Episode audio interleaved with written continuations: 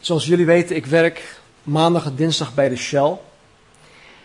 En ik werk in een kelder, in een reproruimte, waar ik onder andere onze mooie blaadjes ook mag printen.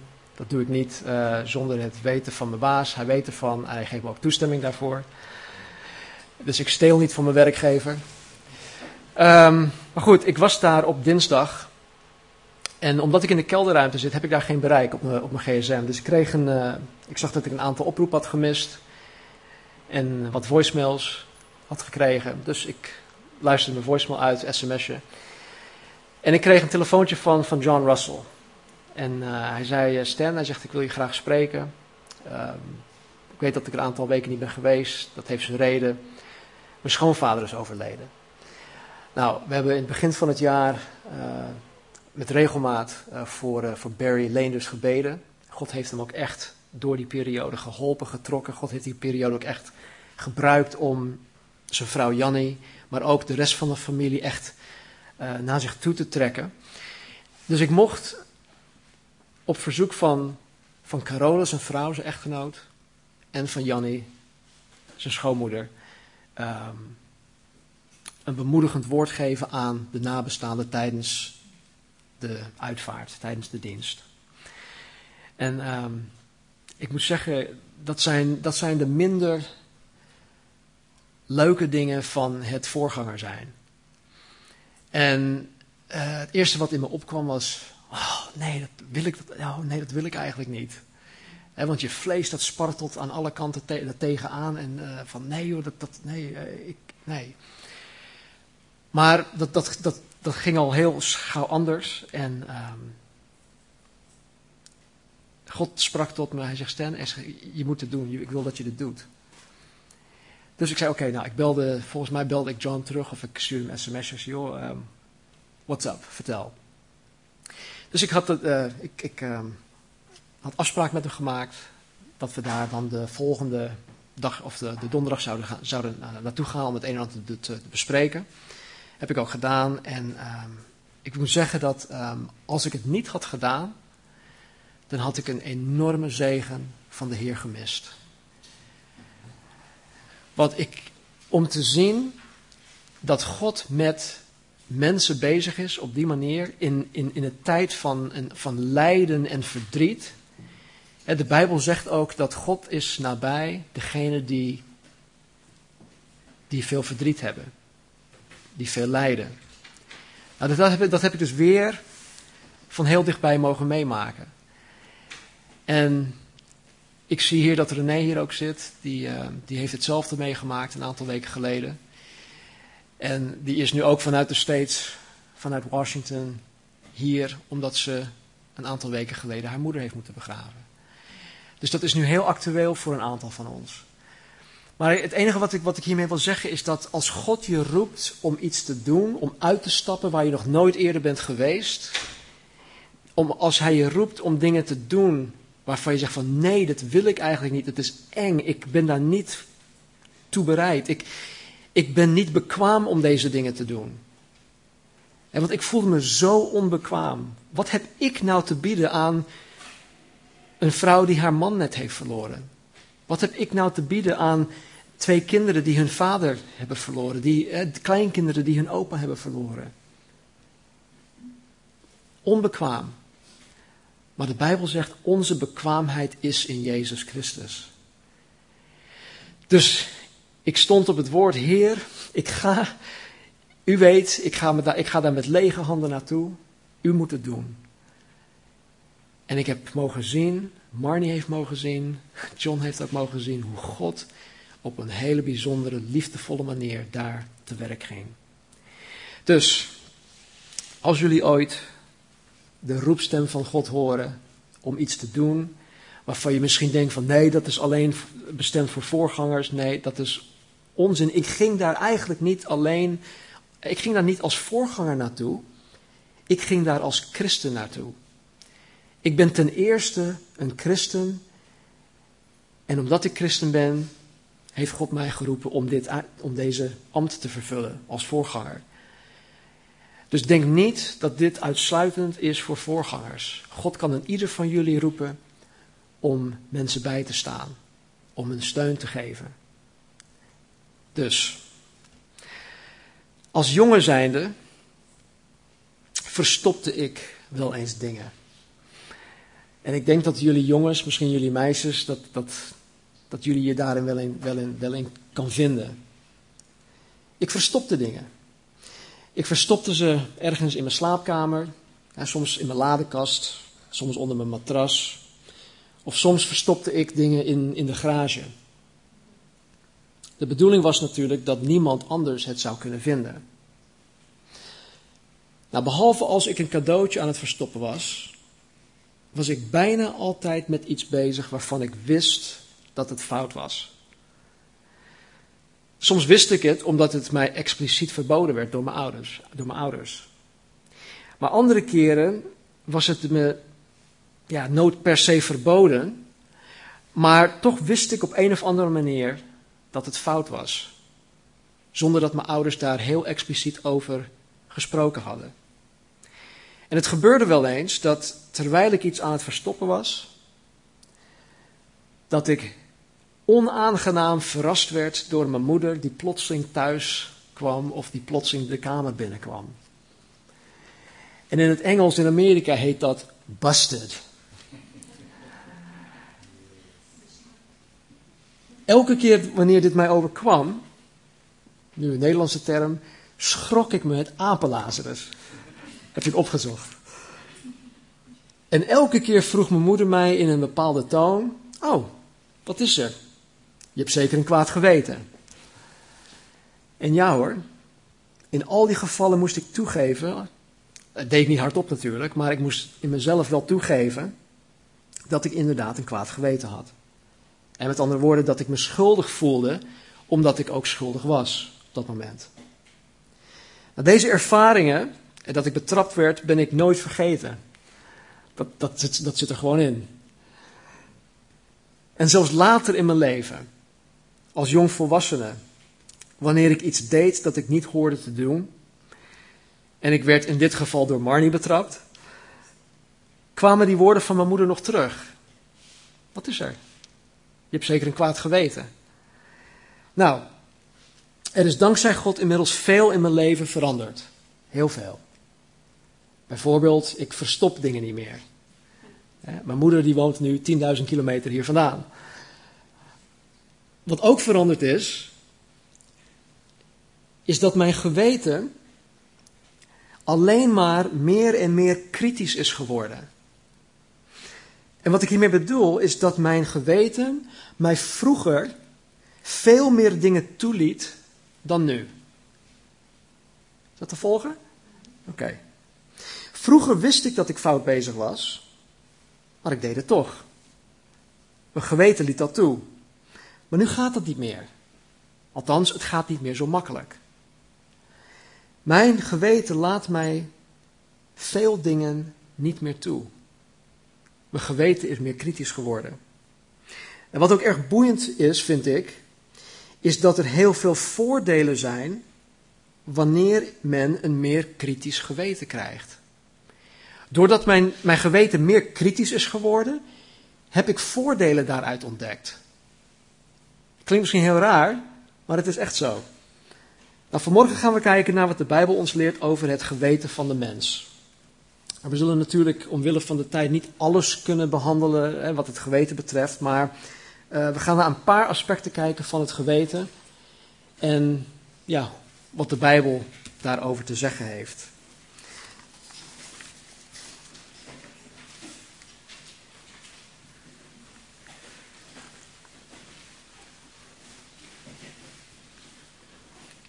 Wat is het geweten nou eigenlijk? Van Dalen definieert het geweten als volgt. Het geweten is dit. Het innerlijk besef van goed en kwaad, waarnaar de mens de zedelijke waarde van eigen handelen beoordeelt. Het innerlijk besef van goed en kwaad, waarnaar de mens de zedelijke waarde van eigen handelen beoordeelt. De Bijbel gebruikt een woord in het Nieuw Testament voor, um, voor geweten. Het is een Grieks woord. En dat betekent het bewustzijn het besef hebben van goed en kwaad. Dus komt op hetzelfde neer. Het drijven tot het doen van het goede en het vermijden van het kwade. Het prijzen van het goede en het veroordelen van het kwade. Dus het geweten volgens de Bijbel is het bewustzijn, ofwel het besef hebben van goed en kwaad. Door je geweten word je ook gedreven om te doen, om het goede te doen. En je wordt weerhouden door je geweten om het kwade te doen. Zo hoort het geweten te werken. Het geweten hoort ook zo te werken dat het geweten je prijst wanneer je het goede doet en je geweten je, je, je veroordeelt wanneer je het kwade doet. Dat is het geweten volgens de Bijbel. Dus ons geweten is niet alleen iets dat ons hoort te sturen, hè, het goede doen, het slechte vermijden, maar het is ook iets dat ons prijst van Stan, wauw, je hebt het goed gedaan in mijn geweten. Of Stan, oeh, joh, wat ben jij schuldig? Je hebt een kwaad geweten. Dus het, het prijst ons en het veroordeelt ons ook. En dit is dus de reden eh, dat ik een kwaad geweten had wanneer mijn moeder mij dus betrapte. Toen ik met foute dingen bezig was. Ik was met foute dingen bezig. Ik werd betrapt. En ze zag dwars door me heen en zei: Ja, je hebt een kwaad geweten, jongen. Zij had het al door. Paulus zei in Handelingen 23:1: Ik heb voor God met een volkomen zuiver geweten gewandeld tot op deze dag. Paulus stond daar voor de raad, het Sanhedrin, en hij, zei, hij begon zijn, zijn um, verdediging met deze woorden. Ik heb voor God met een volkomen zuiver geweten gewandeld tot op deze dag. Met andere woorden, ten aanzien van zijn relatie met God klaagt zijn geweten hem geen zins aan. Zijn geweten klaagt hem niet aan.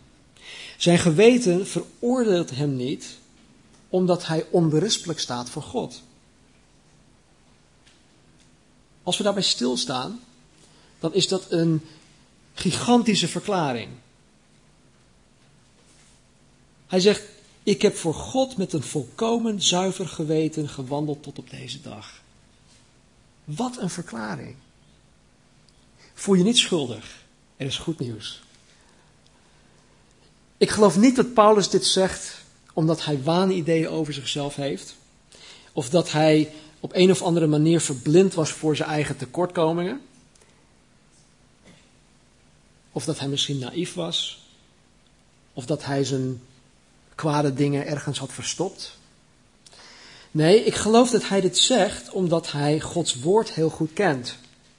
Dat hij precies weet wat God van hem verwacht, wat God van hem verlangt. En dat Paulus zich met een zuiver geweten aan Gods woord en aan Gods verwachtingen hield. Hij hield zich daar heel nauwkeurig aan. Want alleen iemand met een zuiver geweten, dat had ik vorige week ook gezegd, alleen iemand met een zuiver geweten voor God en voor mensen kan zeggen, wat Paulus in 1 Korinthe hoofdstuk 11 vers 1 ook zegt. Hij zegt, wees mijn navolgers zoals ook ik navolger van Christus ben. Imitate me even as I imitate Christ.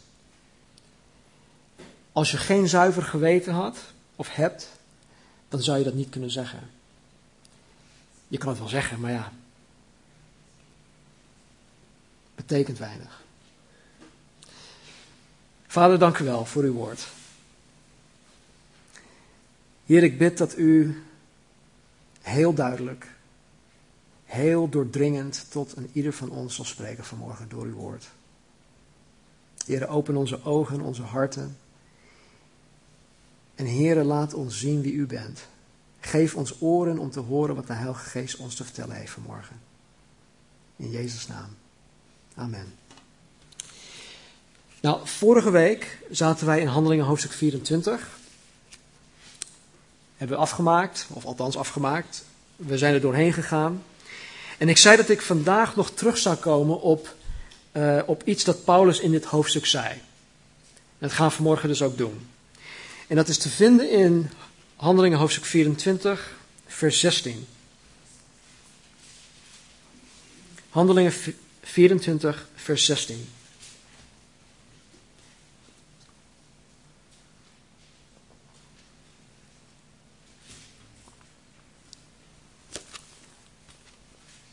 Ook in een soort van verdediging zegt Paulus hier. En hierin oefen ik mijzelf, hè, ofwel hij streeft ernaar, altijd een zuiver geweten te hebben voor God en de mensen. Dat is uit de herziene statenvertaling. In de grootnieuwsvertaling staat er dit. Daarom leg ik mij er ook altijd op toe tegenover God en de mensen een zuiver geweten te hebben. Hij zegt, ik leg mij er ook altijd op toe. Dus het is niet iets dat hij zomaar gekregen heeft toen hij tot bekering was gekomen.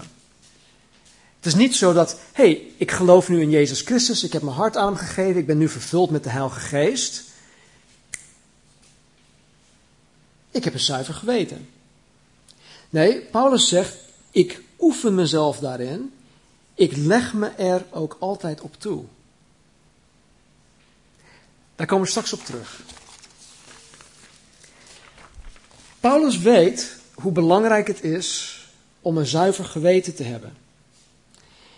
Er zijn een aantal voorbeelden waar Paulus onder andere Timotheus um, bemoedigt om een zuiver geweten te hebben.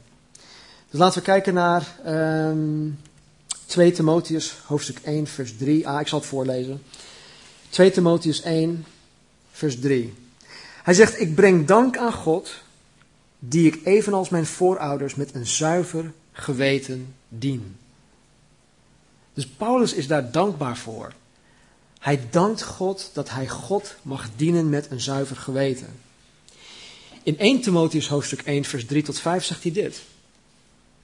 Hij zegt, Timotheus, toen ik naar Macedonië vertrok, heb ik je gevraagd in Efeze te blijven. Je moet voorkomen dat bepaalde mensen daar een afwijkende leer onderwijzen en zich verdiepen in verzinsels en eindeloze geslachtsregisters. Die leiden meer tot speculaties dan tot vervulling van de taak die God met het geloof gegeven heeft.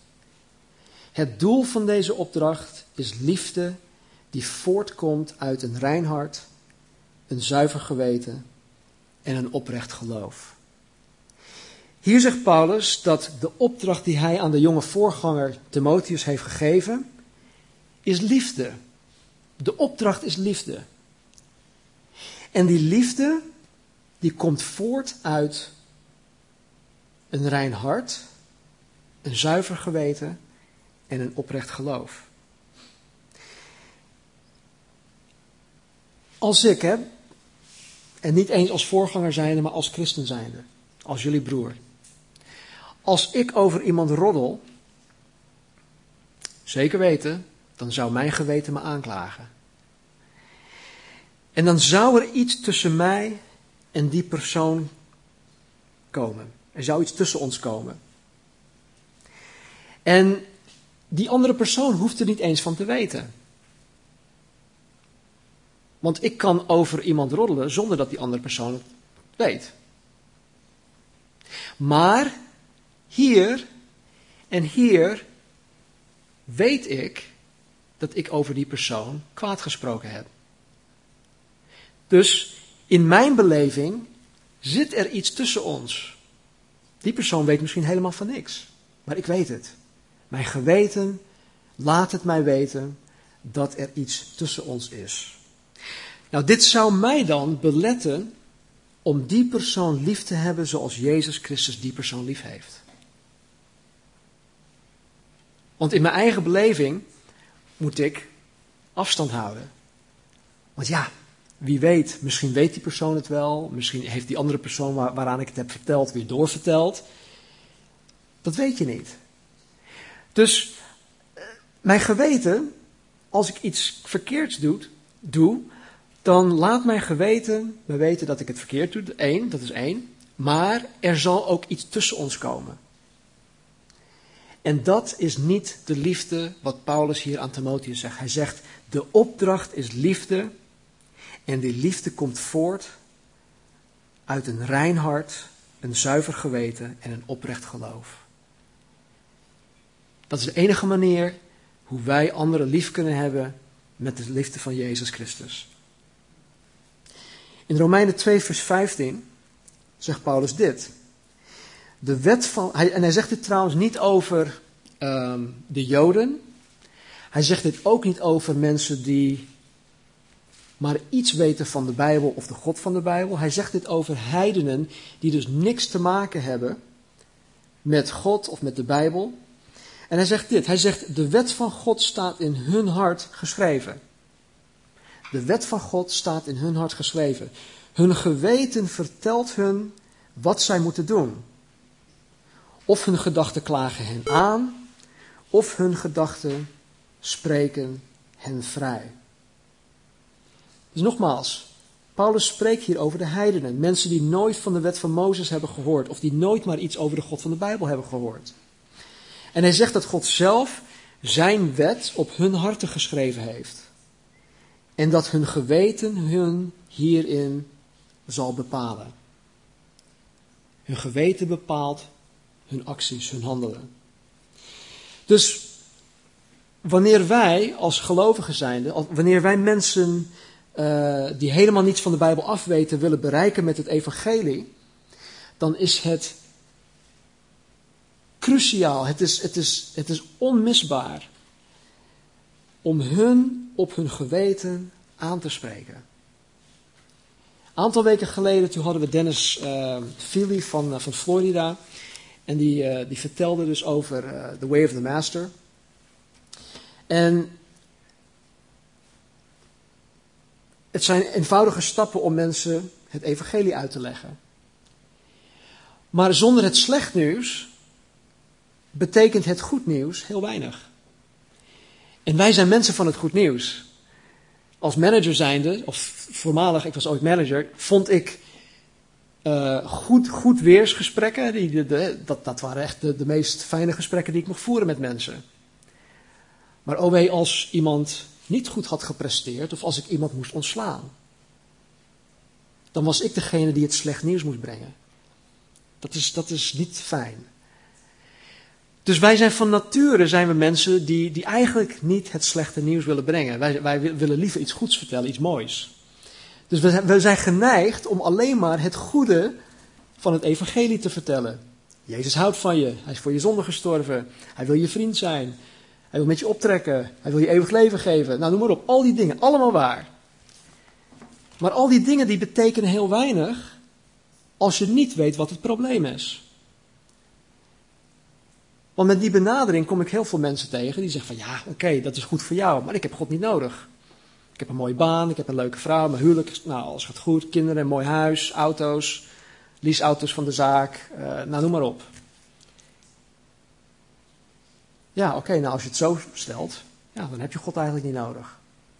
Waarom heb je God dan nodig? We moeten mensen op hun geweten aanspreken. En hun geweten laat hun heel goed weten dat ze schuldig zijn en dat ze hulp nodig hebben. Dat ze een verlosser nodig hebben, dat ze vergeving nodig hebben.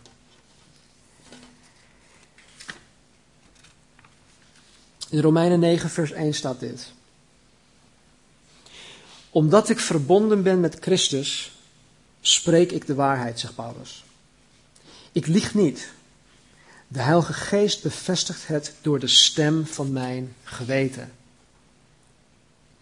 Dus omdat hij één is, in een andere vertaling staat er, omdat hij één is met Christus, spreekt hij de waarheid. Hij liegt niet en de Heilige Geest bevestigt het door de stem van zijn geweten. Nou, hier zien we dus dat doordat hij een persoonlijke relatie heeft met Jezus Christus, de Heilige Geest hem bevestigt in het doen van het goede. Het wordt hem bevestigd. Paulus, je doet het goed. De Heilige Geest spreekt tot het geweten van de christen. De Heilige Geest geeft mij de zekerheid.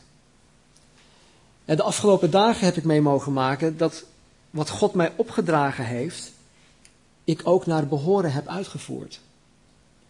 En dan ga ik niet uit van ehm, de complimentjes die de mensen mij geven. Alhoewel dat heel fijn is, dat streelt mijn ego, dat streelt mijn vlees. Maar daar ga ik dus niet van uit. Waar ik wel van uitga, is dat de Heilige Geest tegen me zegt: Stan, dit is de reden waarom jij hier in Nederland bent. Dit is de reden waarom jij hier naar Nederland bent gekomen. Het is om mensen in deze situaties mijn liefde, mijn kracht, mijn genade te tonen, om hun te, te steunen, om hun te helpen. Wat ik op de begrafenis van Barry Leenders heb mogen meemaken, bevestigde dat ook. En waarom God ons hier, hiertoe geroepen heeft. En ik kreeg dat, dat gevoel, die ingeving, kreeg ik heel sterk toen we in de auto zaten. In de file. De A12, de A2. Oh wat een drama. Ik was nog een keer, was ook nog eens uh, de verkeerde kant op gegaan. Ik ging de, uh, de, ik ging de A2 op richting uh, Den Bosch. Nou, de eerste afslag is kilometers daar vandaan. Dus. en dan heb je zoiets van: man. Maar God zei: Stan, het is goed. Ik ben blij dat je het gedaan hebt. En dit is het allemaal waard. De stem van de Heilige Geest. Nou, Paulus weet hoe belangrijk het is om een zuiver geweten te hebben.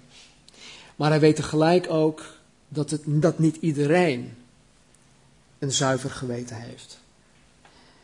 In 1 Timotheus 4, vers 1 en 2 uit het boek zegt Paulus dit. Hij zegt, maar de Heilige Geest zegt ons heel duidelijk dat er een tijd zal komen waarin sommigen in de gemeente zich van Christus afwenden en leraars gaan volgen die zich door Satan laten leiden. Oeh. Deze schijnheilige leraars vertellen leugens en hebben hun eigen geweten het zwijgen opgelegd. In de NBV-vertaling staat er dit. Deze leraars worden ertoe aangezet door huigelachtige, of nee, ze worden, deze mensen worden hiertoe aangezet door huigelachtige leugenaars die hun eigen geweten hebben dichtgeschroeid. De Bijbel leert ons hier dat het dus mogelijk is, en ik geloof dat we dat, dat we dat allemaal eigenlijk al wel weten, om niet naar je geweten te hoeven luisteren. Sterker nog, wij kunnen ons geweten volkomen negeren. En de eerste keer dat je het doet, dan heb je nog wel zoiets van, oh, man, wat erg. Had ik maar naar mijn geweten geluisterd. De eerstvolgende keer dat je het doet, vind je het minder erg. De keer daarna vind je het nog minder erg. En dan word je, als het ware, word je daar ongevoelig voor. En ik zie om me heen in de wereld dat het geweten van de mens vandaag de dag niet meer gevoelig is voor het goede en het kwade. Maar hier spreekt Paulus dus over mensen in de gemeente. En helaas moet ik ook hier bekennen dat dit vandaag de dag onder het mom van het christendom ook echt gebeurt. Dat er mensen zijn zoals Paulus hier omschrijft. Schijnheilige leraars die leugens vertellen en hebben hun eigen geweten het zwijgen opgelegd.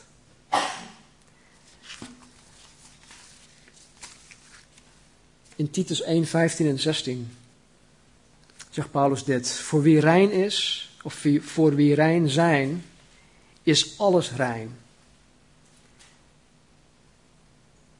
Met andere woorden, als mijn geweten gereinigd is door Jezus Christus, dan is alles rein. Dan zie ik het kwade niet in mensen of in, in dingen. Ik ben meer geneigd om het goede in dingen te zien, in mensen. Maar voor wie besmet is met zijn ongeloof, is niet rein of is niets rein. Met andere woorden, als iemand niet in Jezus Christus gelooft, wiens geweten niet gereinigd is, geloven ze niet meer in het goede. Niets is rein, niets is zuiver meer. Omdat hun verstand en hun geweten bedorven zijn. Even een heel mooi praktijkvoorbeeld.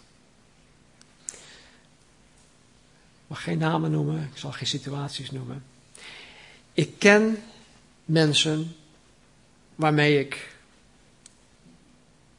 veel uren gedurende de week doorbreng. En dan vertel ik over mijn echtgenote Marnie, wat ze allemaal voor me doet. Ik deel zelfs soms, als de geest dat zo leidt, sms'jes die ik van haar krijg of van mijn dochters. En dan zeg ik, joh, moet je kijken, moet je kijken hoe mijn vrouw en mijn dochter over mij denken, wat ze voor me doen. En dan kijkt, en dan kijkt hij ernaar en zegt hij, pff, dat gaat je een hoop geld kosten. Of uh, wat, wat, wat, heb je, wat heb je nou weer verkeerd gedaan? Of wat hebben zij verkeerd gedaan? Dus wat ik hiermee wil zeggen is dat als iemand besmet is met ongeloof, dan is niets meer rein. want hun verstand en hun geweten die zijn bedorven. Dus ze zoeken altijd iets kwaads achter, achter iets goeds zelfs. Al gebeuren er goede dingen, nee, daarachter schuilt altijd iets kwaads. Een slechte motivatie of een, een kwade bedoeling, reken er maar op. En dan staat er, zij beweren God te kennen, maar hun daden spreken dat tegen. Het zijn afschuwelijke mensen die niet willen luisteren en die voor niets deugen. Nou, dit zijn hele harde woorden. Als ik dit lees, wil ik dit eigenlijk niet geloven. Ik wil niet geloven dat er mensen zijn die zo in elkaar zitten. Maar God, die dwars door alles heen kijkt, die alles ziet, weet wat er in het hart van de mens leeft en hij zegt, dit dus, hij zegt dit dus niet voor niets in zijn woord.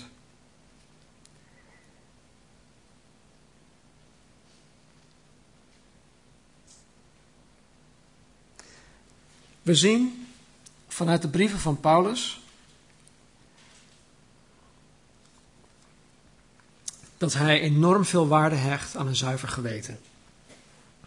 We hebben maar een heel klein stukje vandaag behandeld. Maar we zien dat hij dus veel waarde hecht aan een zuiver geweten. We zien ook dat hij God met een zuiver geweten diende. Dat is Paulus. Nu de vraag. Hoe zit het met u? Hoe zit het met jouw geweten vanmorgen?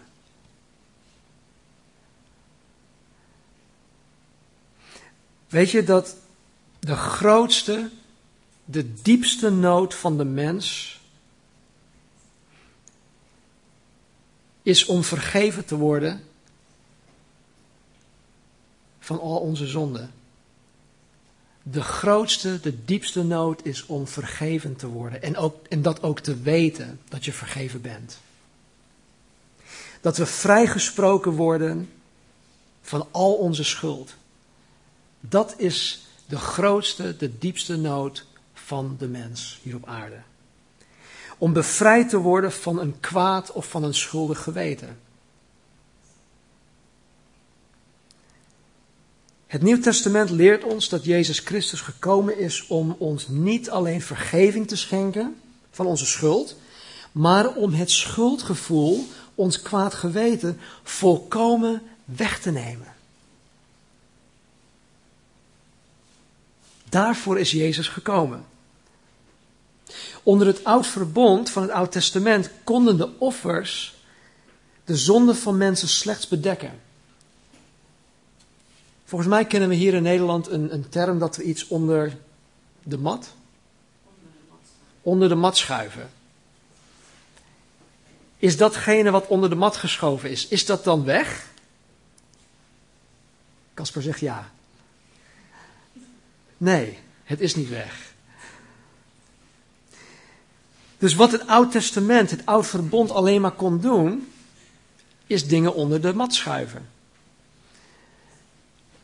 Bij, bij Casper op zijn kamer ligt er zo'n bult onder zijn mat. Nee hoor.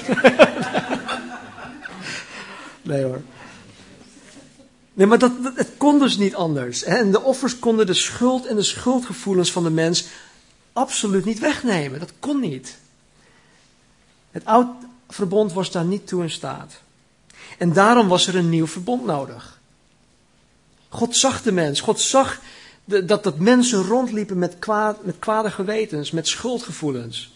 Neergebukt. Of negerend. En daarom kwam het nieuw verbond. Daarom is Jezus Christus op aarde gekomen om een nieuw verbond met de mens aan te gaan. Weet je, ik ik maak dit ook dagelijks mee, wat ik nu ga zeggen. Mensen die Jezus Christus verwerpen. Deze mensen hebben hun eigen manier om met een kwaad geweten om te gaan. Ze hebben hun eigen manier.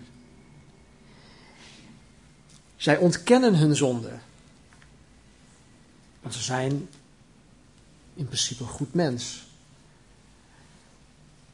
Zij zien hun zonde door de vingers. Ze geven hun zonde een nieuwe, minder erge betekenis. Ah joh, leugen om best veel. Zwart werken, liegen op je belastingaangifte of noem maar op. Dat is toch niet zo erg? Iedereen doet het wel eens. Of ze ontwijken hun zonde. Ze gaan op de vlucht voor hun zonde. Ze gaan op de vlucht door hun zonde. Of ze negeren hun zonde. Ze doen alsof zij niet gezondigd hebben.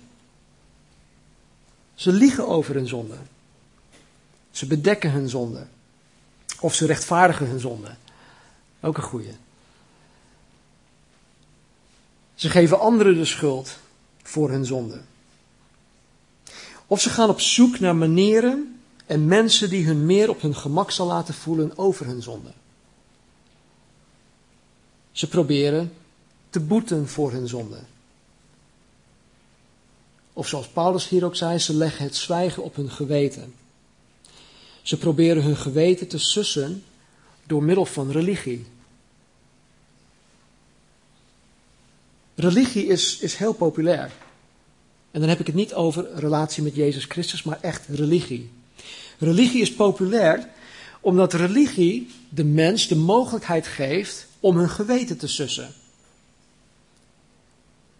Als je zoveel um, van dit soort gebeden zegt per dag, dan ben je daar, dan ben je, dan ben je vergeven. dan hoef je geen zorgen te maken over, over wat je vandaag gedaan had. Als je dit opbiecht, dan ben je daarvoor vergeven. Als je dit doet of als je dat doet, dan ben je vergeven. Dus mensen proberen door, door middel van religie, door middel van uh, misschien boetedoening of door middel van andere werken of goede werken hun geweten te sussen, zodat ze het in evenwicht brengen. De islam is, is, daar, is daar één van. Als je goede werken, je slechte daden overwegen, dan kom je misschien in het paradijs. Je weet het niet zeker, maar misschien. Aan het einde wordt er een uh, soort afrekening gemaakt, maar je weet het niet zeker. En zo werkt religie. Alle godsdiensten werken op die manier. Behalve het ware christendom waarvoor Jezus Christus op aarde is gekomen.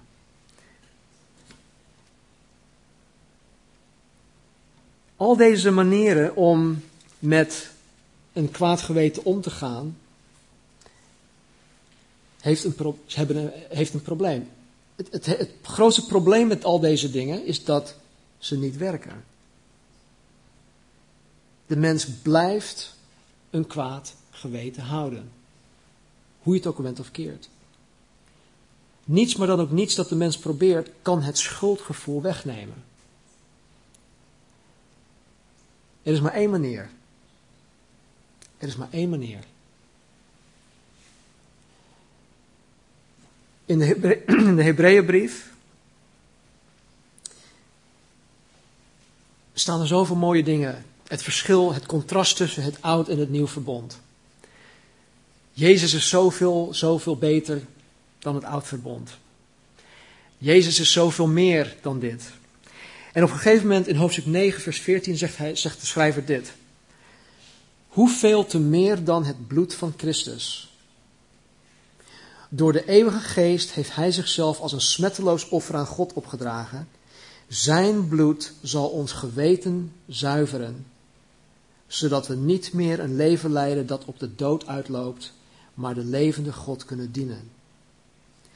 Ik zei zo even al, hè, de offers die in het Oud Testament, in het Oud Verbond geofferd werden, die waren niet in staat om ons te vergeven. Jezus Christus heeft zijn eigen bloed op het altaar uitgegoten in de hemel. En hij heeft eens en voor altijd de prijs betaald om ons te vergeven van alle zonden. En niet alleen ons te vergeven juridisch, maar ons geweten volkomen te reinigen van alle schuld. En alle schuldgevoelens. Daarom stelde ik zo even ook de vraag: hoe zit het met ons geweten?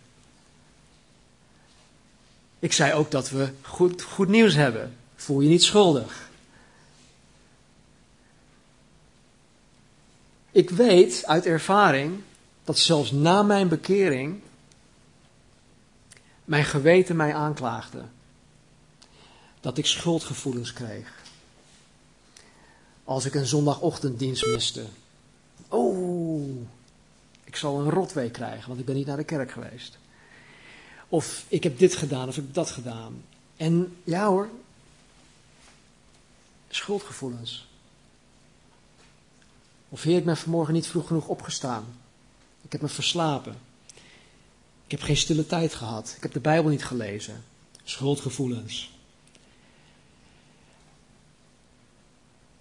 Johannes zegt dit in 1 Johannes 3, vers 20. Maar ook als ons geweten ons aanklaagt, is God toch groter dan ons geweten. Hij weet alles. Als God, of als, als jullie geweten, jullie vanmorgen, jullie aanklagen, door je tekortkomingen, door zonde in je leven, door dingen fout te doen, door met dingen bezig te zijn waar je absoluut niet bezig mee hoort te zijn, dan hoop ik dat Gods Heilige Geest tot je geweten spreekt en dat je je daarvan bekeert. Punt uit. Tegelijkertijd wil ik zeggen dat je niet met die schuldgevoelens hoeft rond te lopen.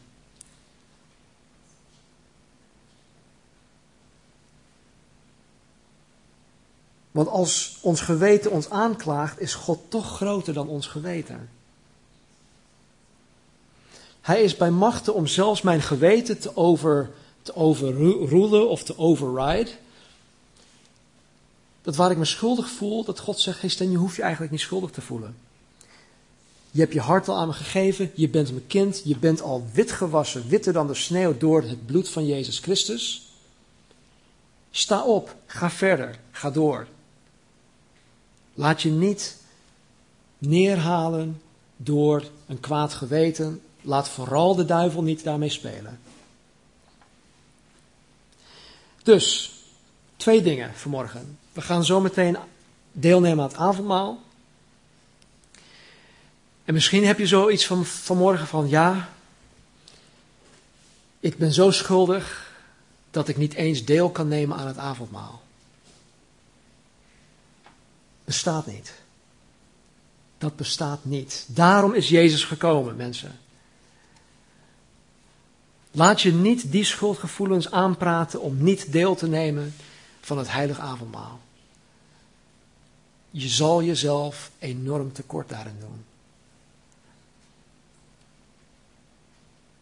Wat mij opviel in het heel heilig avondmaal, de laatste maaltijd, is dat Jezus zelfs de maaltijd deelde met Judas, wetende dat Judas hem op die avond zou verraden. Wie van ons hier is erger dan Judas?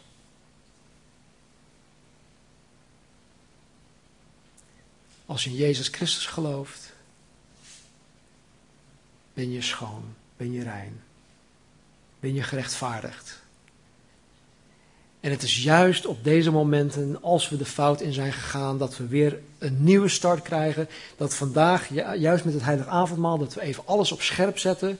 Kijken naar wat Jezus voor ons heeft gedaan. Dat weer toe-eigenen en vandaag weer een nieuwe commitment maken aan de Heer om verder te gaan. Ook als ons geweten ons aanklaagt, is God toch groter dan ons geweten. Hij weet alles.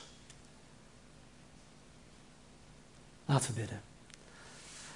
O Vader, dank u wel. U bent zo wijs, Heer. U bent zo groot. U bent zo goed. Er is niets, Heer, dat, dat wij kunnen doen om.